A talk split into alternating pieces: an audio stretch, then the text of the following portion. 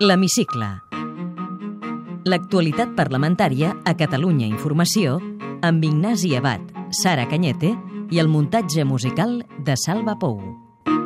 Un ple extraordinari es mereix acords extraordinaris i no els veiem. Crec que han perdut una oportunitat. El Parlament no està a l'alçada de la societat que diu representar, d'aquest 23% que està en situació de risc o l'exclusió. Crec que la gent esperava un gran acord. De moment no l'hem aconseguit, però hi ha una cosa que avui sí que segur que s'aprova i és que tirarem endavant el Pacte Nacional. Compromisos nous, concrets, amb compromís pressupostari. El gobierno pone un cheque con cero euros. I vostès han prioritzat en els despatxos l'agenda nacional. Les expectatives generades pel ple monogràfic sobre la pobresa no s'han complert, s'han aprovat prop d'una vintena de propostes i només una per unanimitat, totes les plantejades per Convergència i Unió i Esquerra Republicana, dues de Ciutadans, dues de la CUP i tres més consensuades entre els dos socis parlamentaris i el PSC d'una banda, Ciutadans de l'altra i també amb la CUP. Aquests són els principals pactes. Pobresa energètica. S'amplia tot l'any la vigència del decret per evitar talls d'aigua, llum i gas a famílies sense recursos. Beques menjador. Harmonització dels criteris per concedir-les als Consells Comarcals. Es podran demanar a mig curs. Malnutrició. Menjadors escolars de primària podran acollir alumnes de secundària si ho determinen els serveis socials. Desnonaments. Serà obligatòria la mediació entre el deutor i el banc abans de procedir a l'execució hipotecària. Renda mínima d'inserció. Compromís de pagar aquest any els endarreriments de prestacions aprovades. S'amplia la partida de formació de 5 a 10 milions. Finestreta única. Per informar sobre ajudes i historial social compartit entre administracions per saber quines prestacions rep cada ciutadà. Estigma social. Els ajuntaments hauran de canviar les ordenances cíviques que poden multar indigents. El govern defensa la seva política social i el pes que tenen el pressupost salut, ensenyament i benestar més d'un 71%. Però el president Artur Mas també es lamenta. Estem, tots plegats, i el govern el primer, carregats de responsabilitats, però despullats d'instruments. Els proposants del ple monogràfic PSC, Iniciativa i la CUP van criticar que les entitats que lluiten contra la pobresa no prenguessin la paraula a l'hemicicle. Els van convocar dos dies abans en una sala del Parlament. Teresa Crespo. Entitat Catalanes d'Acció Social. Que hi hagi un acord de país, un acord de país per lluitar contra la pobresa. I aquest seria la demanda que com a sector i com a ECAS us demanem. Pepín de la Rosa. Col·legi d'Educadors Socials. Davant de plantejaments de més retallades, crec que el que hauríem de plantejar plantejant-se és més inversió. Guiomar Tudó. UNICEF. Tenim una cosa molt propera, és el Pacte de Toledo. Fem el que hem fet amb les pensions, fem el mateix als infants. Maria Campuzano. Xarxa per la sobirania energètica. Res de treves hivernals. Les famílies que no poden fer front al pagament d'aquests serveis no l'han de pagar. Que els costos siguin assumits per les distribuïdores.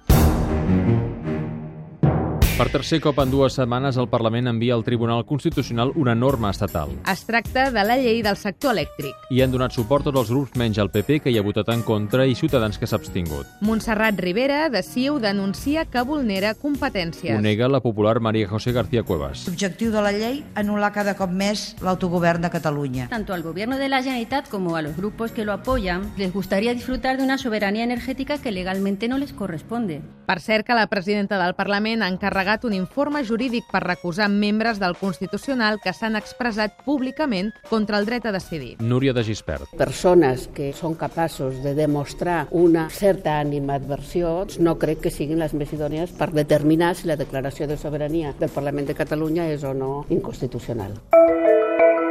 Artur Mas s'ha refermat en la data del 9 de novembre per celebrar la consulta sobre la independència. En urnes precisa davant la pregunta de la líder del PP català, Alicia Sánchez Camacho, a la sessió de control al president de la Generalitat. Convocaré la consulta i si és d'acord amb una llei catalana, com vol vostè que no posem les urnes? Si vostè fa això, és conscient que no es podrà fer un referèndum legal ni acordat, perquè sap que està actuant fora de la llei. Però què està dient ara, senyora Sánchez Camacho? És gravíssim el que acaba de dir, no sé si s'ha adonat. Perquè resulta resulta que vostè ens està dient que el govern espanyol suposo que intentarà enfonsar la legalitat catalana i ens està dient una altra cosa, que el Tribunal Constitucional hi estarà d'acord. I vostè qui és per dir això?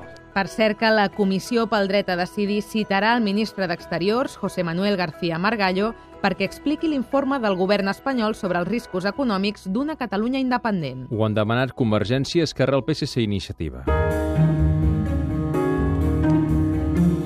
Dimecres, el Parlament va retre homenatge a les víctimes dels atemptats terroristes de l'11 de març del 2004 a Madrid amb un minut de silenci abans d'iniciar el ple de la pobresa. En record i homenatge de les 191 persones mortes als atentats de l'11M. A motiu dels 10 anys de l'11M també s'ha aprovat una declaració dels grups de condemna del terrorisme sense la signatura de la CUP que volia que es parlés de les víctimes de totes les violències. Ciutadans va organitzar un homenatge propi dimarts al vespre al mateix Parlament davant la negativa de la mesa a convocar-ne un d'institucional. Albert Rivera va lamentar que només s'hi apuntessin diputats del PP a més dels seus. Sigamos trabajando aquí, antes no se hacía nada, ahora se hace algo. Iremos sumando, espero que se sumen otros grupos, que haya ausencias, la verdad que bastante lamentables, y que seamos más, y que podamos ser más y lo podamos hacer cada año, y si puede ser, que sea un acto organizado por el Parlamento Cataluña.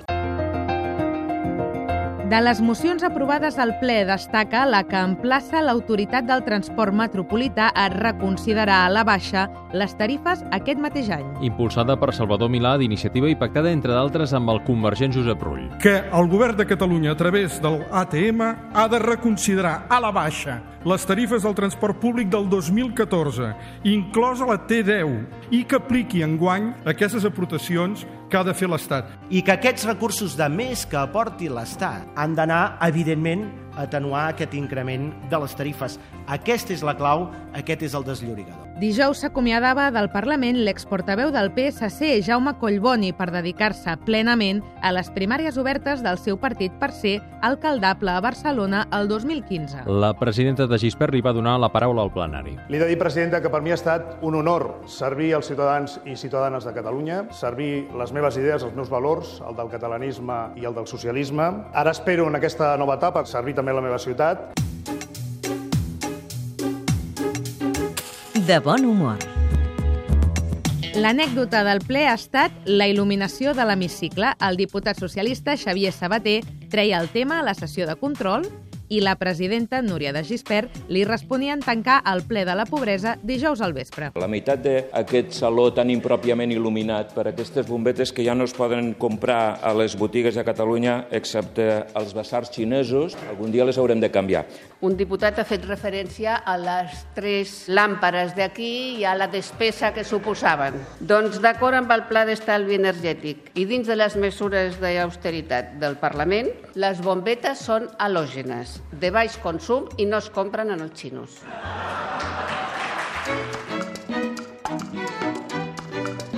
Té la paraula Marta Vilalta Torres i sóc del grup parlamentari d'Esquerra Republicana de Catalunya.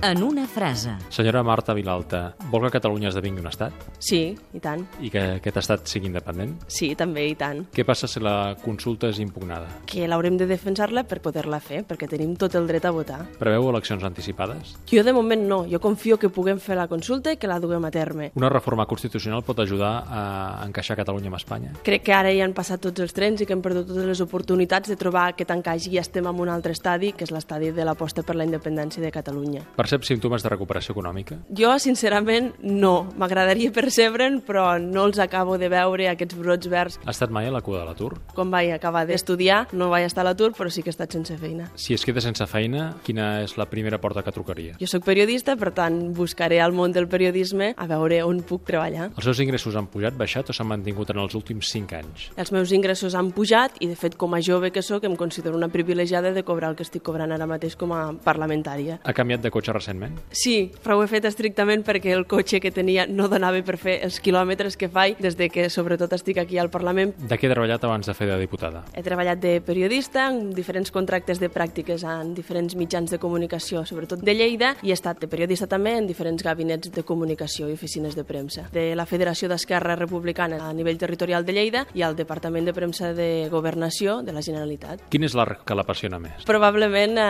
la música. Artista o obra predilecta? El meu grup favorit són els Pets. Com reparteix les feines domèstiques a casa seva? Estic molt poques hores a casa i, per tant, s'acumula la feina, però ens ho repartim amb el, amb el meu company i jo. En quins pobles o ciutats ha viscut al llarg de la seva vida? Jo sóc de Torregrossa, que és un municipi del Pla d'Urgell, i quan vaig començar a estudiar a Barcelona a la universitat vaig estar vivint a Cerdanyola, després he estat vivint a Sant Boi de Llobregat també, i a Barcelona ara mateix. Si tingués una màquina del temps, on viatjaria? A l'època de la República, per veure l'efervescència també social que hi havia devia doncs, l'any 31 conèixer de primera mà les personalitats del president Macià i el president Companys. Fa meditació o esport? Meditació no, i faig patinatge artístic. Creu en l'amor a primera vista? Per què no? Sí, sí, crec, i tant. I amb l'amor per tota la vida també. Amb quin sex símbol compartiria una estona? Jo, quan era joveneta, era molt de Leonardo DiCaprio. Quan acaba un ple del Parlament, com desconnecta quan torna cap a casa? Uf, És complicat també, eh? però sí que m'agrada doncs, que em toqui una mica a l'aire, caminar una mica i així com a mínim se'n van les males idees o els pensaments. Senyora Marta Vilalta, moltes gràcies. Moltes gràcies a vosaltres. Podeu tornar a escoltar aquest programa i recuperar els anteriors a catradio.cat barra hemicicle.